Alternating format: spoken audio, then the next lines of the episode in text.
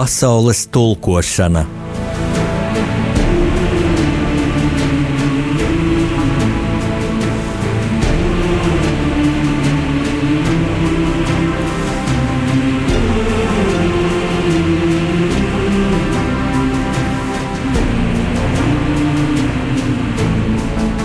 Studijā rakstnieks Jānis Udris.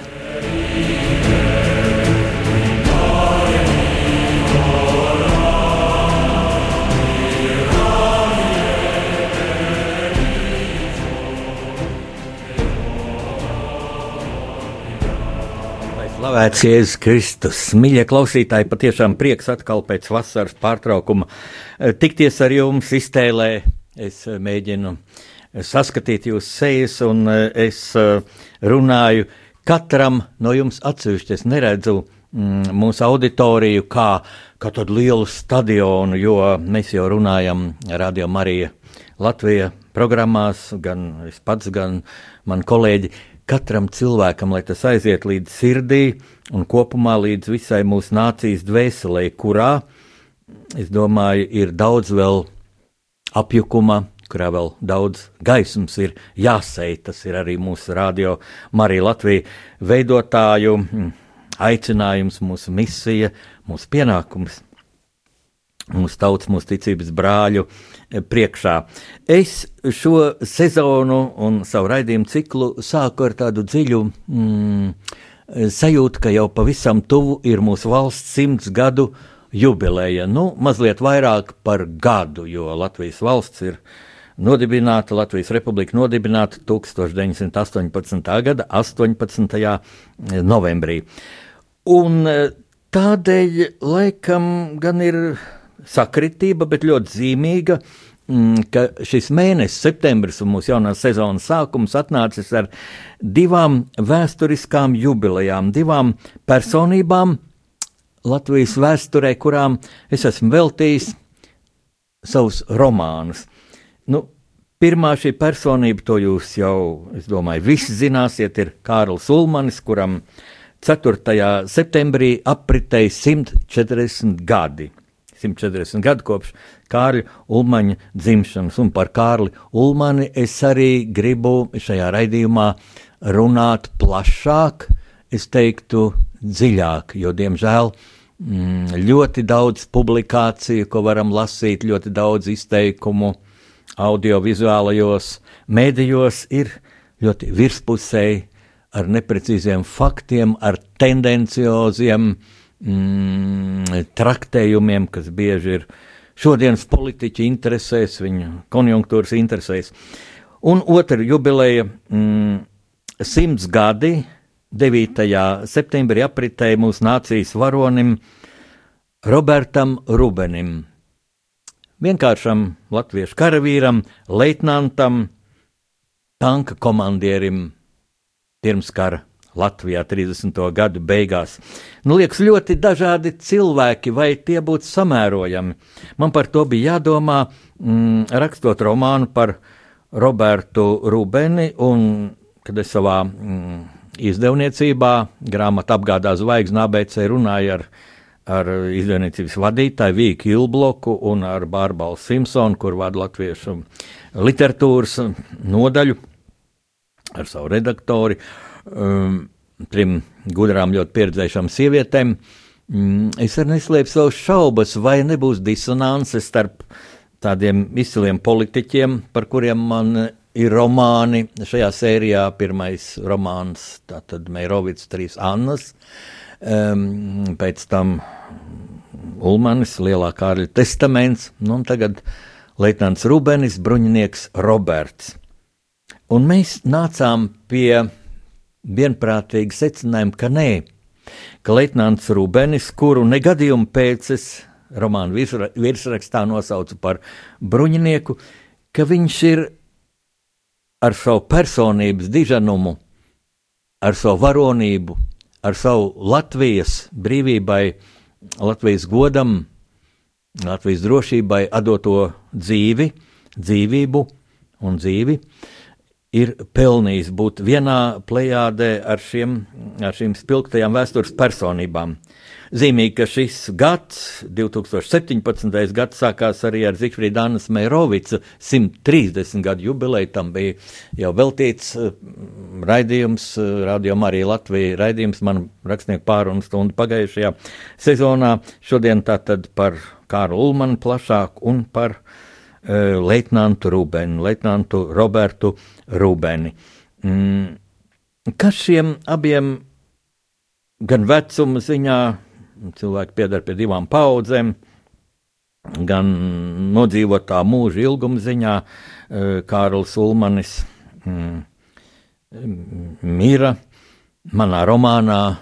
Tā ir mana iztēle, mana rakstnieka iztēle, atbilstoši vēstures kontekstam, mana atbildība un mans latvieša mm, nacionālais lepnums mm, bija izstrādāt eh, savu versiju, ka Kārls Ulmans tika nošauts NKVD cietumā Krasnovodskā. Tā ir mana atbildība vēstures priekšā. Tad Kārlim Ulmanim bija 65 gadi. Nu, Leitnantam Rubenim, kurš krita kaujā pret Vācu soda ekspedīciju Kurzemē, dīvains vēstures paradoks, viņš ar savu bataljonu, Leitnanta Rubeņa bataljonu, kas ietilpa ģenerāļa Kureļa vadītajā aizsargu pulkā, bija gatavojies cīnīties pret sarkanu armiju, lai pasargātu mūsu tautu no jaunām mm, baigā gada šausmām.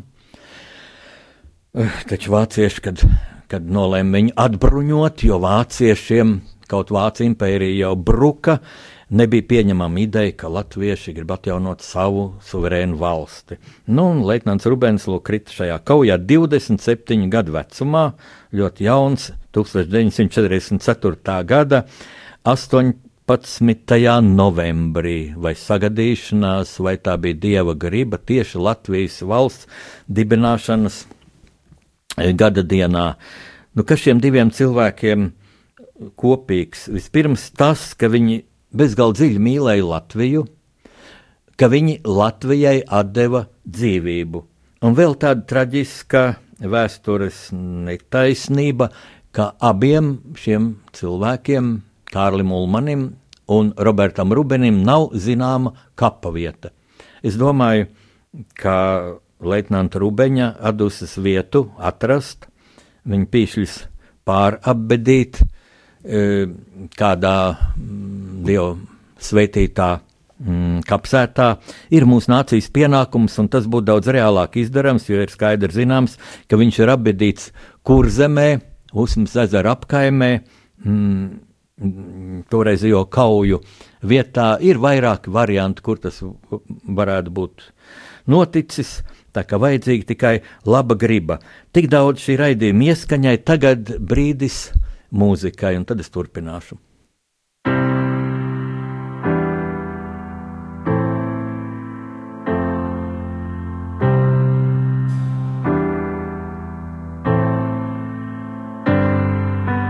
Mana sirds ir Latvijā, lūdzu, dod man spēku.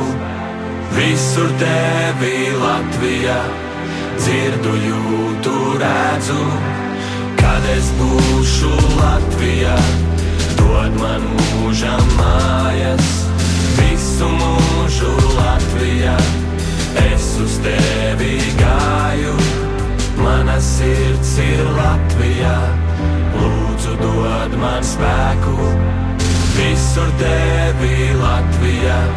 Dzirdu, jūtu, redzu, kad es būšu Latvijā dod man mūža mājas, visu mūžu Latvijā. Es uz tevi gāju. To, cik esmu lepns, ir grūti izteikt vārdiem. Mēs esam stipri tauta, jo tik daudz ko nācies pārciest. Sargājiet savus tuviniekus un turiet viņus cieši. Es gribu redzēt latviešu vairāk nekā jebkad iepriekš. Mūsu senči par šo zemi atdeva savu miesu. Pietiks kalpot citām tautām, brāļi, atgriežamies. Vai tavi senči ar tevi lepotos, nu tā patiesi? Ja nē, tad brauc atpakaļ un kopā iesim uz priekšu. Pietiks vainot kādu citu, mēs esam paši par sevi stipri. Beigsim lēti pārdot vienoties un sāksim ražot lietas. Un to, kas notiek tur saimā, par to mums jālūdz ir Dievs. Es nezinu, kā to risināt, bet es zinu vienu. Mana sirds ir Latvijā, lūdzu dod man spēku. Visur tevi Latvijā, dzirdu, jūtu, redzu, kad es būšu Latvijā dod man mūžam mājas, visu mūžu Latvijā. Es uz tevi gāju, mana sirds ir Latvijā. Lūdzu, dod man spēku, visur tevi Latvijā. Dzirdu, jūtu, redzu, kad es būšu Latvijā. Dod man mūžam mājas visu mūžu Latvijā. Es uz tevi gāju. Nauda ir tikai līdzeklis, lai darītu, ko gribam. Miljons veidi, kā nomirt, miljons veidi, kā tikt pie miljona. Mēs atšķiramies tā kā diena pret nakti, bet spēles noteikumi vienmēr ir bijuši vien un tie paši. Mums ir jāpalīdz viens otram tikt uz priekšu. Mēs neesam viens pret otru, mēs esam viens. Nevis čakarēt viens otru, bet likt justies labāk. Disciplīna, celties agri no rīta un strādāt. Beigsim naivi domāt, katrs tik par savu labumu. Un uzticēsimies kaut kam augstākam, tam, kas mūs radīja. Mēs katrs dziļi iekšā jūtam, ko mums vajadzētu darīt. Būsim stipri un būsim vienoti par Latviju. Mana sirds ir Latvijā, lūdzu, dod man spēku. Visur tevi Latvijā dzirdu, jūtu, redzu, kad es būšu Latvijā. Dod man mūžam mājas, visu mūžu Latvijā. Es uz tevi gāju, mana sirds ir Latvijā. Lūdzu, dod man spēku, visur tevi Latvijā. Dzirdu, jūtu, redzu kad es būšu Latvijā. Dod man mūža mājas, visu mūžu Latvijā. Es uz tevi gāju. Jūs klausāties Radio Marija Latvija. Mana sirds ir Latvija. Visu mūžu es uz tevi gāju. Ziniet, mīļie, šī dziesma mani ļoti, ļoti dziļi uzrunāja. Vispirms jau vārdi, un tas būtiskākais ir nācija vienojošais moments, jo mēs visi esam latvieši. Dievs ir gribējis, lai mēs dzīvojam šajā brīnišķīgajā zemē, bet mūsu attieksme pret Latviju šobrīd vēl ir tik ļoti, ļoti atšķirīga. Lūk, par to es gribu runāt šodien savas rakstnieka pārunu stundas turpinājumā un arī turpmākajos raidījumos dažādu Latvijas aktualitāšu sakarā.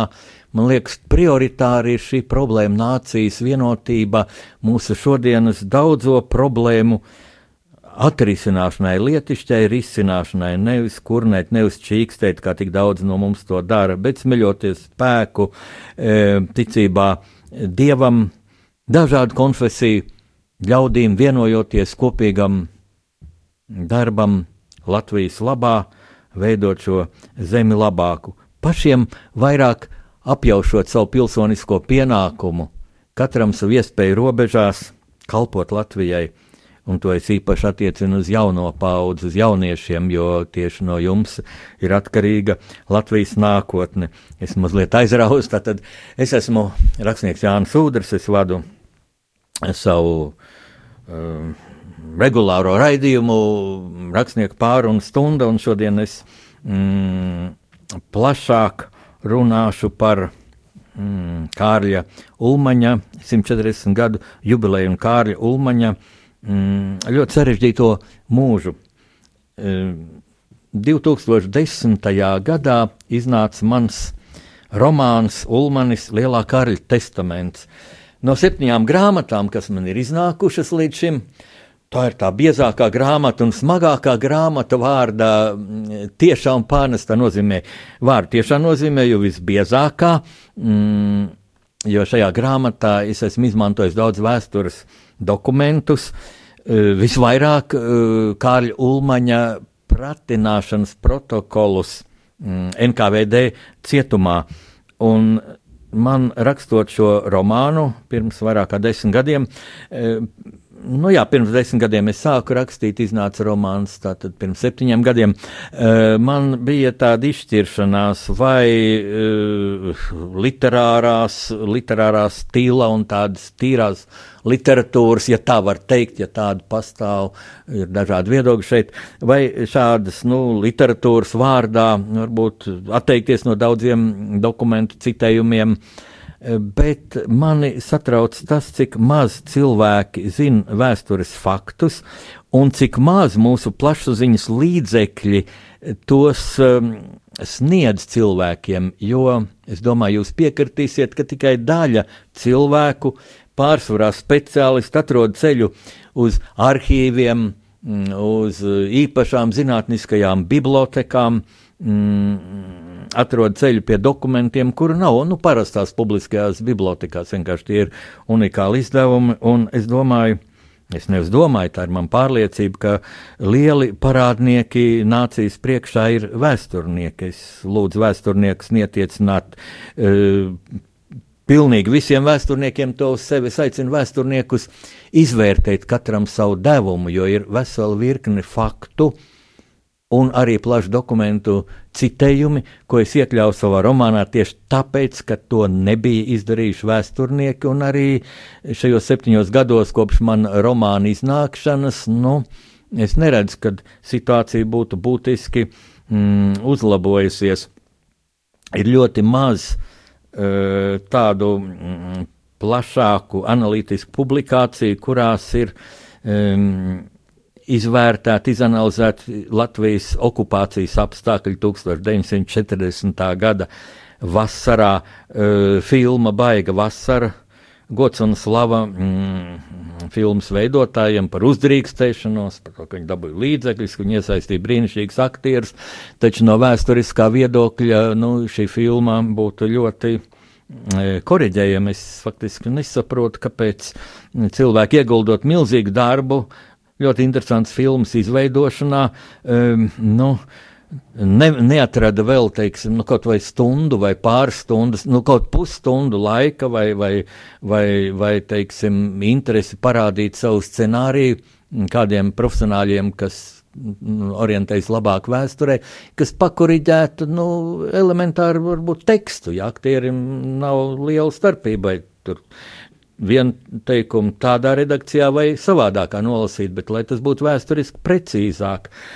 Uh, bet uh, mm, ir ļoti īpatnējs fenomens, ko es esmu ievērojis tagad šajos septiņos gados, kopš šis romāns iznāca, ka cilvēki man prasa tādu diezgan briesmīgu jautājumu. Vai tu esi par ulmani vai pret ulmani? Kāpēc briesmīgi jautājumu? Tāpēc, ka mm, lūk, mūsu tauta Mm, Kārļa Ulmaņa dzīves vērtējumos un personības vērtējumos ir sadalījusies divās nometnēs. Ja. Vieni, tā ir skaitliski noteikti lielākā tautas daļa, uh, Ulmani mm, tur ļoti gaišā piemiņā, un es pievienojos šai cilvēku grupai tādā ziņā, ka Ulmans ir pelnījis ļoti lielu cieņu, tautas pateicību par savu ieguldījumu mūsu valsts nodibināšanā. Kur viņš bija tā lokomotīva, tas celmlauzs. Es minētu vēl līdzās Ulmanam šeit Zikfrīdu Anu Meirovicu, un viņi abi bija katrs savā vietā. Ulmans šeit vietas Latvijā uz Nacionālā teātra skatuves 18. novembrī pirms 99 gadiem, un Zikfrīds Meirovics ārzemēs šajā laikā, laužot tur ceļu Latvijas valstī. Un bija pat tāds vēstures, nu, savā ziņā paradoks, ka Latvijas valsts uh, atzīšanu vai latviešu tiesību savu valstu atzīšanu mm, de facto, de jure vēl ne, bet de facto uh, Meirovics panāca no mm, Angļu, no Britu ārlietu ministra Lorda Balfūra, mm, kurš bija, nu, es teiktu, varbūt tajā laikā pats ietekmīgākais politiķis pasaulē, kas attiecās uz starptautiskajām attiecībām, lūk, dabūja nedēļu pirms Latvijas valsts proklamēšanas 1918. gada 11. novembrī. Nu, lūk, uh, tajā pašā laikā vērtējot Kārļa Ulmaņa dzīvi, nu, nevar neredzēt šīs dzīves traģisko noslēgumu, kas sakrita ar Latvijas valsts okupāciju. Un Kārļa Ulmaņa mm, nu, būtībā piedalīšanos savu mūža darbu Latvijas valsts sagraušanā, jo praktiski Kārlis Ulmans neprotestējot, pat savā radiorunā, 17. jūnija radiorunā, mm, mūsu valstī ienāk Padomju Savienības karaspēks. Tas notiek ar valdības ziņu, tas ir draudzīgs kaimiņu valsts karaspēks. Un beigās es palikšu savā vietā, jūs palieciet savās vietās. Viņš it kā akceptēja šo mm, Latvijas okupāciju. Tālākie soļi, akceptējot to un leģitimizējot formāli leģitimizējot, padarot it kā likumīgu, bija tas, ka Kārls Ulmans, ka valsts prezidents akceptēja Kirchensteina marionešu valdību. Kaut šī valdība bija sastādīta e, PSRS sūtniecībā un padomju emisārs Višinskis, viena no briesmīgākajām personībām Staļina režīma laikā, viens no briesmīgākajiem Staļina slepkavību īstenotājiem, kas šis PSRS ģenerāla prokurors, kas ar savām baismīgajām, melīgajām, demagoģiskajām apsūdzības runām bija iegrūdis nāvēt tūkstošiem, tūkstošiem cilvēku. Lūk, tieši šis briesmonis bija atsūtīts uz Latviju par Maskavas emisāru, un tieši viņš izvilka no, no kabatas salocītu lapu un iedeva Kārlim Ulmanim, lūk, šeit ir jaunās valdības saraksts. Un tad jau nāca šīs Kirkensteina valdības soļi, ko, ko protams, nebija ne, ne nosapņojis un izdomājis šī valdība, bet kas bija diktēta PSRS sūtniecībā, likvidēt aizsargu organizāciju un tā tālāk, un tā tālāk atbruņot aizsargus un aizvien jaunu, aizvien jaunu, aizvien jaunu šie soļi. Visus tos Ulmans akceptēja līdz savu pilnvaru beigām, tātad 1940. gada 21. jūlijā. Nu, te ir lielais jautājums, kāpēc Kārls Ulmans to darīja. Mm, te ir jautājums, kāpēc Ulmans nedēva pavēlu Latvijas, pirmkārt neizsludināja mobilizāciju nedēva pavēlu Latvijas armijai mm, pretoties okupantiem. E, šis jautājums prasītu diskusiju par to, ziniet, prasīt nevis vienu stundu, kas ir manā rīcībā, bet varbūt piecas stundas, un diskusija beigtos laikam ļoti karsti. Uh, jo argumenti vienai un otrai pusē ir daudz. Eh, es, protams, pārstāvu to viedokli, ka sava valsts ir jāizstāv jebkuros apstākļos, jebkuros apstākļos. Un es pat teikšu ļoti principiāli, ir amorāli spriest, vai konkrētajā situācijā vajag aizstāvēt savu valsti vai nevajag. Jo, mīļie cilvēki, vai tad mēs spriedīsim, vai man vajag savu tēvu mātu aizstāvēt? Ja? Ja tāds vārks uzbrucējs, tad es aizstāvēšu. Ja uzbrucējs ir stiprs, ja ir divi uzbrucēji, ja es varu iet bojā, tad es neaizstāvēšu savu tēvu un māti, savu bērnu, savu sievu. Tas ir amorāli tā spriest, Neuzņemiet, lūdzu, personīgi. Es zinu, ka daudz vienkārši pēc inerces viņiem ir gadu desmitiem, gadu desmitiem kopš 1940. gada stāstīts, ka nevajadzēja pretoties, ka tā būtu pašnāvība, ka padomjas Savienībai bija simtreiz vairāk spēka. Tas ir muļķības, tas ir blefs. Protams, pārspēks bija milzīgs. Protams, Latvijas armija visticamāk ne, arī cīnoties nenosargātu Latvijas teritoriju. Tāpat Tāpat kā nu, Somi cieta milzīgus zaudējumus un zaudēja lielu daļu savas teritorijas, bet runājot par to, tas ir iemīļotākais vēsturnieku arguments, būtu milzīgi upuri. Te nu man ir dziļi jānopūšas un jājautā, vai tam vēsturnieki nezina, kad milzīgi upuri bija tieši tādēļ, ka Latvijas armija nepretojās. Ka nepretojās. Bet uh, šī diskusija ir bezgalīga. Mm, būtībā jautājums ir par psiholoģiskajiem aspektiem. Kāpēc mēs tik ļoti mīlam šo sakāvniecisko pozīciju, nevajadzēja pretoties, un kāpēc cilvēki, kad es minu šo tēzi, ka vajag vienmēr aizstāvēt savu dzimteni, jebkuros apstākļos, es domāju, ka tā ir arī dieva griba. Dievs cilvēks rada brīvus, un tad cilvēki organizējas savās valstīs. Mēs lasām vecajā derībā, kā, kā lūk, Mozus ved Izraēļu tautu, cik ilgi viņi meklēja savu zemi līdz Mm, līdz eh, nonāca tur, kur ir tagad. Uh, es domāju, tas ir morālās izvēles jautājums, vai mēs gribam būt brīvi vai negribam. Un reiz izvēle 40. gadā bija, ka mēs pakļaujamies, tad tas dziļi sēž nācijas ģenētiskajā atmiņā, un kad šo jautājumu sāk cilāt, cilvēki kļūst nervozi, kļūst agresīvi man ir uzbrukuši gan ar vārdiem, gan gluži fiziski. Kā jūs tā drīkstat runāt? Vis, visa tauta būtu aizsūtīta uz Sibīriju, bet tad mūs nesūtīja uz Sibīriju. Latvieši mm, krita svešās armijās apmēram, apmēram 85,000. Kara, kara gaita bija tik briesmīga, ka mm, ir grūti precīzi nosaukt upuru skaitu, bet tā, apmēram 35,000 latviešu krita sarkanajā armijā un apmēram 50,000 mm, leģionā. Un ir tāda traģiska sakritība, ka tikpat daudz cilvēki, 85,000 karavīru, krita Somijas armijā, Ziemas karā un pēc tam turpinājuma karā.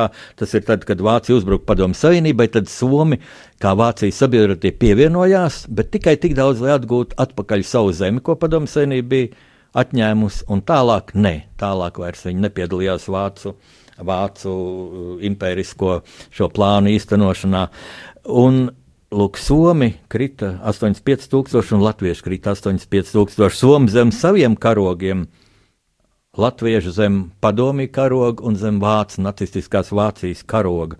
Bet šis upuru skaits nebija vienāds, jo Somijā bija divi ar pus reizes vairāk iedzīvotāji. Tātad divi ar pus reizes lielāka mūsu upuru bija ne par ko uz svešu iekarotāju altāru. Un, ja saka, ka mm, būtu bijuši upuri, ja Latvijas armija būtu karojusi. Tad lūk, ģenerālis Kreisliņš, tad, kad viņš bija mūsu Nacionālās aizsardzības akadēmijas rektors, saskaitīja ar saviem kolēģiem, pasniedzējiem, ar studentiem, kad kopumā Padomju Savienība pēc Latvijas okupācijas represēja tūkstošu virsniekus. Tikai virsniekus, ja, tad padomājiet, armija praktiski tika sagrauta bez kaujas. Un kas tad ir godīgāk? Uh, kas ir cildenāk, kas ir saprātīgāk no vēsturiskās perspektīvas viedokļa, vai karavīri krīt kaujas laukā aizstāvot savu dzimteni, vai arī tiek atbruņoti bez ieročiem, nošauti, nomērdēti badā, nomocīti čekas pagrabos. Padomāsim par to. Un tas, lūk, atstāja ļoti dziļu iespēju nācijas morāli, un, lai taupīt laiku, es jums pateikšu, ka es savu viedokli par to, kā tas atbalsts vai šodien, mūsu daudzās šodienas negācijās, kad mēs tik ļoti neticam saviem spēkiem, ka mums ir vienaldzīgi, tik daudziem cilvēkiem ir vienaldzīgi tas, kas notiek Latvijā. Es to apkopoju vienā komentārā, kas ir izplatīts internetā, vairākos sociālajos tīklos. Jūs to varat atrast Google, uh, ieklikšķinot virsrakstu Lūzeru sindroms, jeb skats mūsu problēmu saknē. Lūzeru sindroms, jeb skats mūsu problēmu saknē.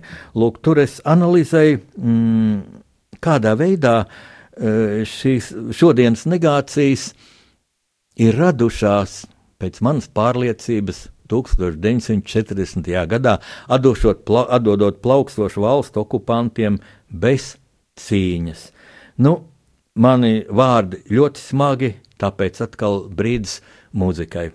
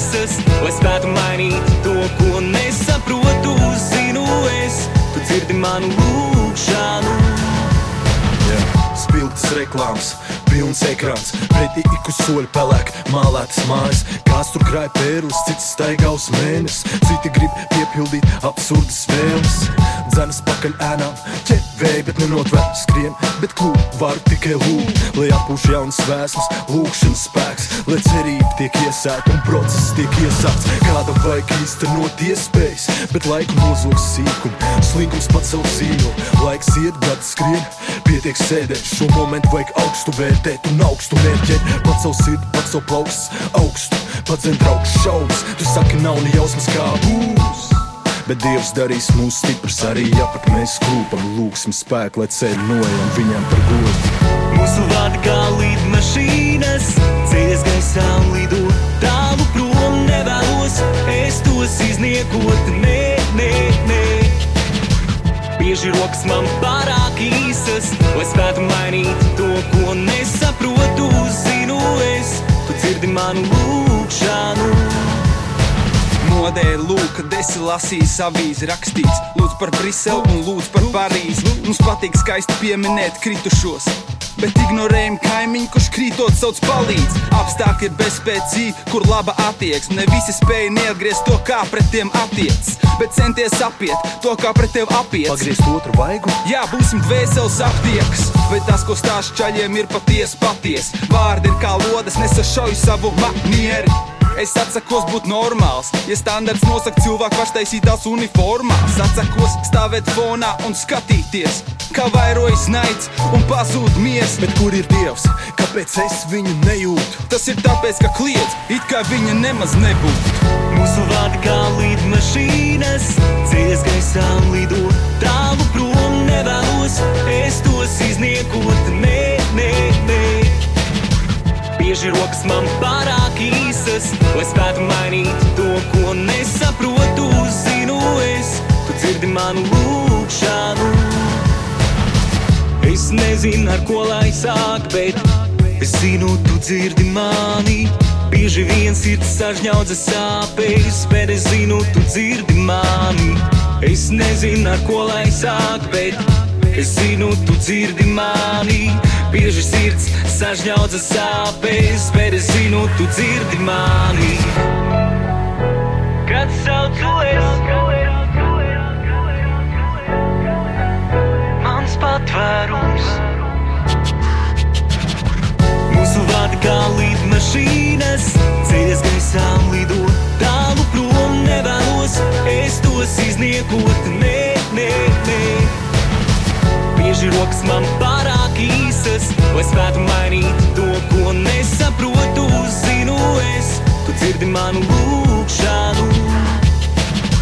Varu tikai lūgt, varu tikai lūgt. Varu tikai lūgt, varu tikai lūgt. To, ko sirds jūt, to, ko sirds jūt. To, ko sirds jūt, to, ko sirds jūt. Varu tikai lūgt, varu tikai lūgt. Varu tikai lūgt, varu tikai lūgt. To, ko sirds jūt, to, ko sirds jūt. Ko sirds jūt, to, ko sirds jūt.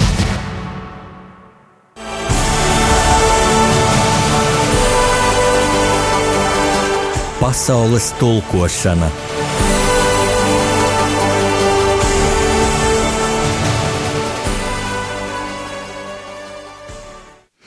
Var tikai lūgt to, ko sirds jūt. Brīnišķīgi vārdi arī šajā dziesmā, un man tā bija jāpadomā, ko mana sirds jūt, ko jūta rakstot grāmatu par mm, Kāru Ulmani. Un es varu atzīties tādā pavisam nevienīšķīgā momentā, ka es brīžiem man bija asaras acīs, īpaši mm, epizodē, kur Ulmani ved uz nošaušanu.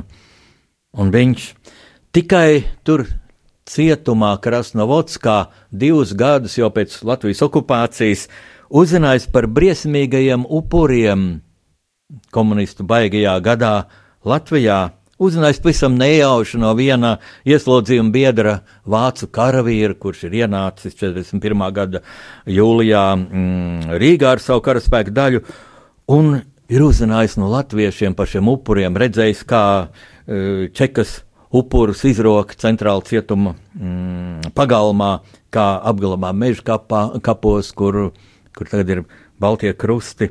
Un tad, kad Kārl Ulmans ved uz nošaušanu, viņš ar savām asinīm kameras sienas uzraksta mīliet Latviju.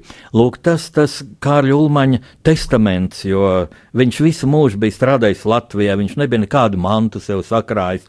Nu, un, Ieslodzījumā, cietumā, tur nu, viņam viss tika atņemts, un ir tāds zīmīgs vēstures fakts, mm, ka pēdējā kratīšanā, kad Pētapu no Varušilovskas cietumā mm, Ulmani kopā ar citiem ieslodzītajiem aizveda ar vilcienu uz Baku, un tad uz kuģa un pāri mm, Kaspijas jūrai uz Krasnovodsku. Tādēļ, ka 42. gada vasarā vācieši sāka savu otro milzīgu ofensīvu, pirmā ofensīva uz uh, Maskavu bija izgāzusies, bet vāciešiem joprojām bija milzīgs spēki, milzīga kara pieredze, un, uh, un viņi lauzās uz Staļingradu. Un šī Vorošilovska tika ieņemta, un vajadzēja panikā beigt padomju režīmam no turienes, un arī viņi ved projām ieslodzītos Lūk un Baku mm, cietumā, kad tika pārbaudīti šie konvejētie ieslodzītie, tad pie Ulmaņa atrada zobu birstīti un plastmas glāzīti. Lūk, tā bija tā mantība, ko viņš bija iemantojis, ļoti mīlot Latviju. Un, uh, Ja man prasa, vai es esmu par vai pret Ulmanu, tad es atbildu, es esmu par Latviju, par vēsturisko patiesību un par Ulmaņa izpratšanu. Un kā es izprotu Ulmanu, es ar visu atbildības sajūtu, kā cilvēks, kurš ir gadus desmit analizējis dažādus faktus un pētījis uh, laika biedra liecības savā laikā, man ļoti daudz vērtīgu savu novērojumu atziņu pastāstīja Gunārs Meirovits, slavenā diplomāta Zikfrīda Anas Meirovits dēls, kurš bija Kārļa Ulmaņa krustdēls un līdz 20 gadu vecumam e, bieži tikās ar Kārlu Ulmanu, uzklausīja viņu, un, un kurš deva ļoti, pastāstīja ļoti e, tādas interesantas epizodes. Lūk, es esmu pārliecināts, ka padomju okupanti mm, atņemot Latvijai suverenitāti, rīkojās nevien ļoti viltīgi, bet arī ļoti zemiski un tieši pret Kārlu Ulmani, ka Ulmans tika apkrāpts, ka viņam bija mm, apsolīta tāda daļai suverenitāte Latvijai. Uh, un te nu mēs nonākam pie jāiet atpakaļ vēstures atskatā uz 34. gada 15. maija apvērsumu, kad Ulmans likvidēja parlamentu mm, un kļuva par vienpersonisku, nu, autoritāru vadītāju. Sākumā ministra prezidents tikai vēl divus gadus bija mm, kviesis, valsts prezidents līdz savu pilnvaru beigām, tad Ulmans kļuva arī.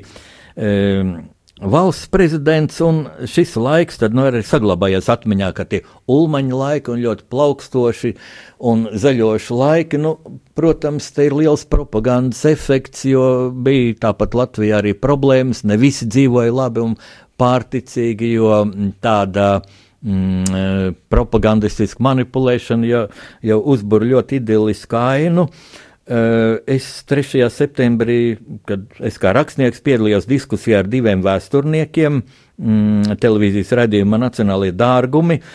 Nu, diezgan grūti vienam pret diviem, bet jāteic, eh, paldies šiem vēsturniekiem. Viņi bija ļoti mm, korekti un toleranti, un mēs bijām visi vienoti tādā kopīgā domā atrast vēsturisko patiesību. Kaut, nu, profesors Stranga, protams, nepiekrita tam, kad, eh, ka vajadzēja par Latviju cīnīties, bruņotu cīņu, uzsākt pret okupantiem. Nu, šeit Es saku, nav laika tādai diskusijai.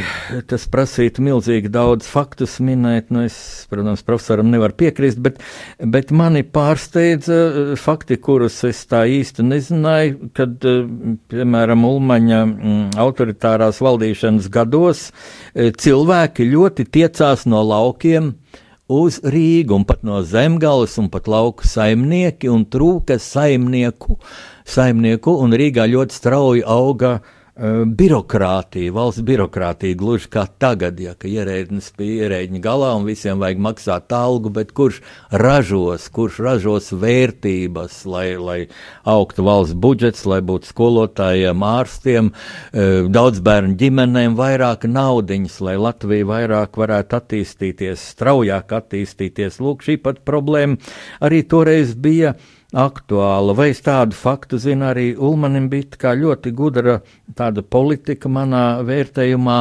veidot uh, zelta rezerves, lai būtu valstī stabilitāte un Latvijas valstī bija, manuprāt, 18 tonna zelta, kas iedomājieties, kas ir ļoti daudz, tas ir vairāk kā tagad mūsu Latvijas valstī ir zelta, jo, jo tā īpaši par to netiek vairs domāts. Nu, arī cita situācija Latvija jau ir Eiropas Savienībā, kur ir citas tirgus likumsakarības, bet tas tika veidots arī tādā, uh, ar tādu taktiku, kad ļoti sekmējot eksportu, Un ir tāds fakts, ka, piemēram, Londonā Latvijas sviestu varēja nopirkt lētāk nekā Rīgā.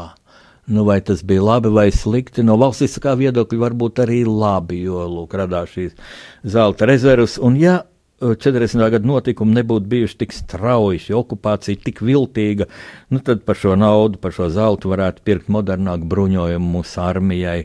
Bet, nu, tāpat jau uh, 30. gados Latvijas valsts uh, aizsardzības vajadzībām izlietoja ceturto daļu sava budžeta. Tagad mēs nākamā gada izlietosim 2%, 200 daļas no, no savu budžeta. Tad 25% vai tautai nebija tiesības par šo savu naudu, savu nodokļu naudu, mm, nu, sagaidīt, kad viņi tiks aizsargāti no padomju okupantiem. Bet man pārsteidz mm, tas, cik ļoti tiek slēpta uh, vēsturiskā patiesība un daudz satriecoši fakti par Latvijas okupāciju. Mans raidījuma laiks tuvojas beigām, es nevarēšu minēt daudz faktus, kurus jūs varat atrast manās grāmatās. Tātad Ulmans Lielā Kārļa testaments, apgādes zvaigznā ABC 2010. gads, un jaunākiem lasītājiem, pusauģiem, skolēniem es varu ieteikt eh, savu nu, mīļāko grāmatu kas saucas Melders un Matīs ceļojums vēsturē, un otrs nosaukums ir Latvijas dzīvā vēsture tīņiem, tāda ļoti koša grāmata ar, ar foto mm, ilustrācijām, ar tādām kolāžām, kur, kur ir apvienoti mūsdienu notikumi ar vēsturiskajām fotografijām, kurā darbojos es pats ar diviem saviem mazbērniem, Meldru Matīsu, un trešā man lielā mazmeitiņa fotografēja. Viņa ir fotomāksliniece un modes dizainere. Viņa, viņa veidoja fotografiju šai grāmatai.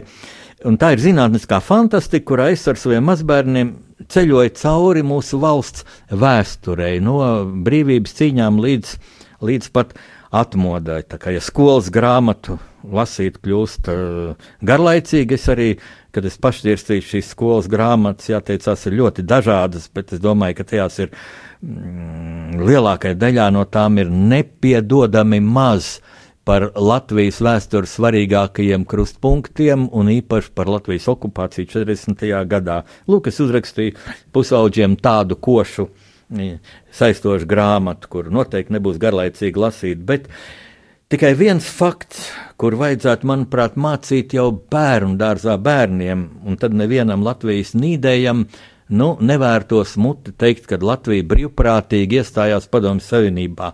Proti, eh, šis ļoti viltīgais Latvijas okupā, okupēšanas scenārijs, kuram arī nu, kurā iekrita šajās viltīgajās lamatās, iekrita Kārls Ulmans, gribēdams to labāko tautu pasargāt no upuriem, un noved pie daudz lielākiem upuriem šī pakļaušanās. Lūk, šis scenārijs bija paredzējis tātad uh, saimnes atjaunošanu, jo ar nosaukumu tautas saima un pretēji satversmes nolikumam, cik tur ilgam laikam jāpiet no vēlēšana izsludināšanas līdz pašām vēlēšanām. Tātad vēlēšanas notika uh, mēnesi pēc uh, padomu tanku iebraukšanas Rīgā, vēl, vēl, vēl pat nepilnu mēnesi. Uh, 14. un 15. jūlijā, divas dienas, sestdiena, svētdiena. Un notika tāds paradoks, kad Maskavā oficiālā PSRS ziņa aģentūra tas, vai nu kaut kādas padomju režīma un tādas šo ierēģņu nu, tādas. Um, paviršības, nemākulības dēļ, vai arī stresa dēļ, kādā viņas biedzina staļiniskais režīms, lai tikai viss būtu pareizi, un ja tu kļūdīsies, ja tu nokavēsi kaut ko, tev nošaus. Uh, lūk, šis režīms traģikomiskā kārtā vēlēšana balsošanas rezultātus, kas, protams, bija falsificēti, 97,6% nobalsojuši par šo vienīgo sarakstu darba tautas bloka kandidātiem, viņi paziņoja jau pēc pir, vēlēšana pirmās dienas, sestdienas vakarā. Un ziniet, ka to Latvijā var izlasīt tikai divu autoru grāmatās. Publicists Visvalds Lācis to savās vairākās dokumentālajās grāmatās min šo faktu. Jūs zināsiet, Visvaldu Lācis, viņš ir unikāls cilvēks. Viņš bija eh, vēl pirms dažiem gadiem, viņš bija mūsu saimnes deputāts un vecākais parlamenta deputāts starp visām Eiropas Savienības valstīm. Nu, un jūsu mm, šī raidījuma vadītājs Jānis Uders to ir minējis vairākās savās grāmatās. Kāpēc šo faktu nemin mūsu vēsturnieki? Es nezinu. Uh, Es nedomāju, ka tā būtu kāda sazvērstības teorija. Varbūt mēs vienkārši mūsu dienas steigā nespējam atšķirt svarīgo no nesvarīgā un ejam garām šādiem satriecošiem vēstures faktiem, bet varbūt tas ir tas pats lūzeru sindroms, par kur es tātad rakstu savā komentārā. Es priecāšos, ja Ja dažs labs no jums eh, šo komentāru atradīs Google, tad ieklikšķiniet lūzeru sindroms, jeb skats mūsu e, problēmu saknē. Ja nepiekrītat, man lūdzu rakstiet, tātad sūtiet SMS uz telefonu 266 772 72 vai rakstiet studija at rrml.lv, tātad rādījumā arī Latvija.lv. Nu, un beigsim šodien atkal ar mūziku. Tiksimies pēc uh, divām nedēļām, un man būs atkal prieks ar jums runāt, kad es plašāk mm, iedziļināšos bruņinieka Roberta, savu romānu varoņa, leitnanta Rubeņa heroiskajā dzīvē. Lai Dievs jūs svētī un sargā, mīļie klausītāji!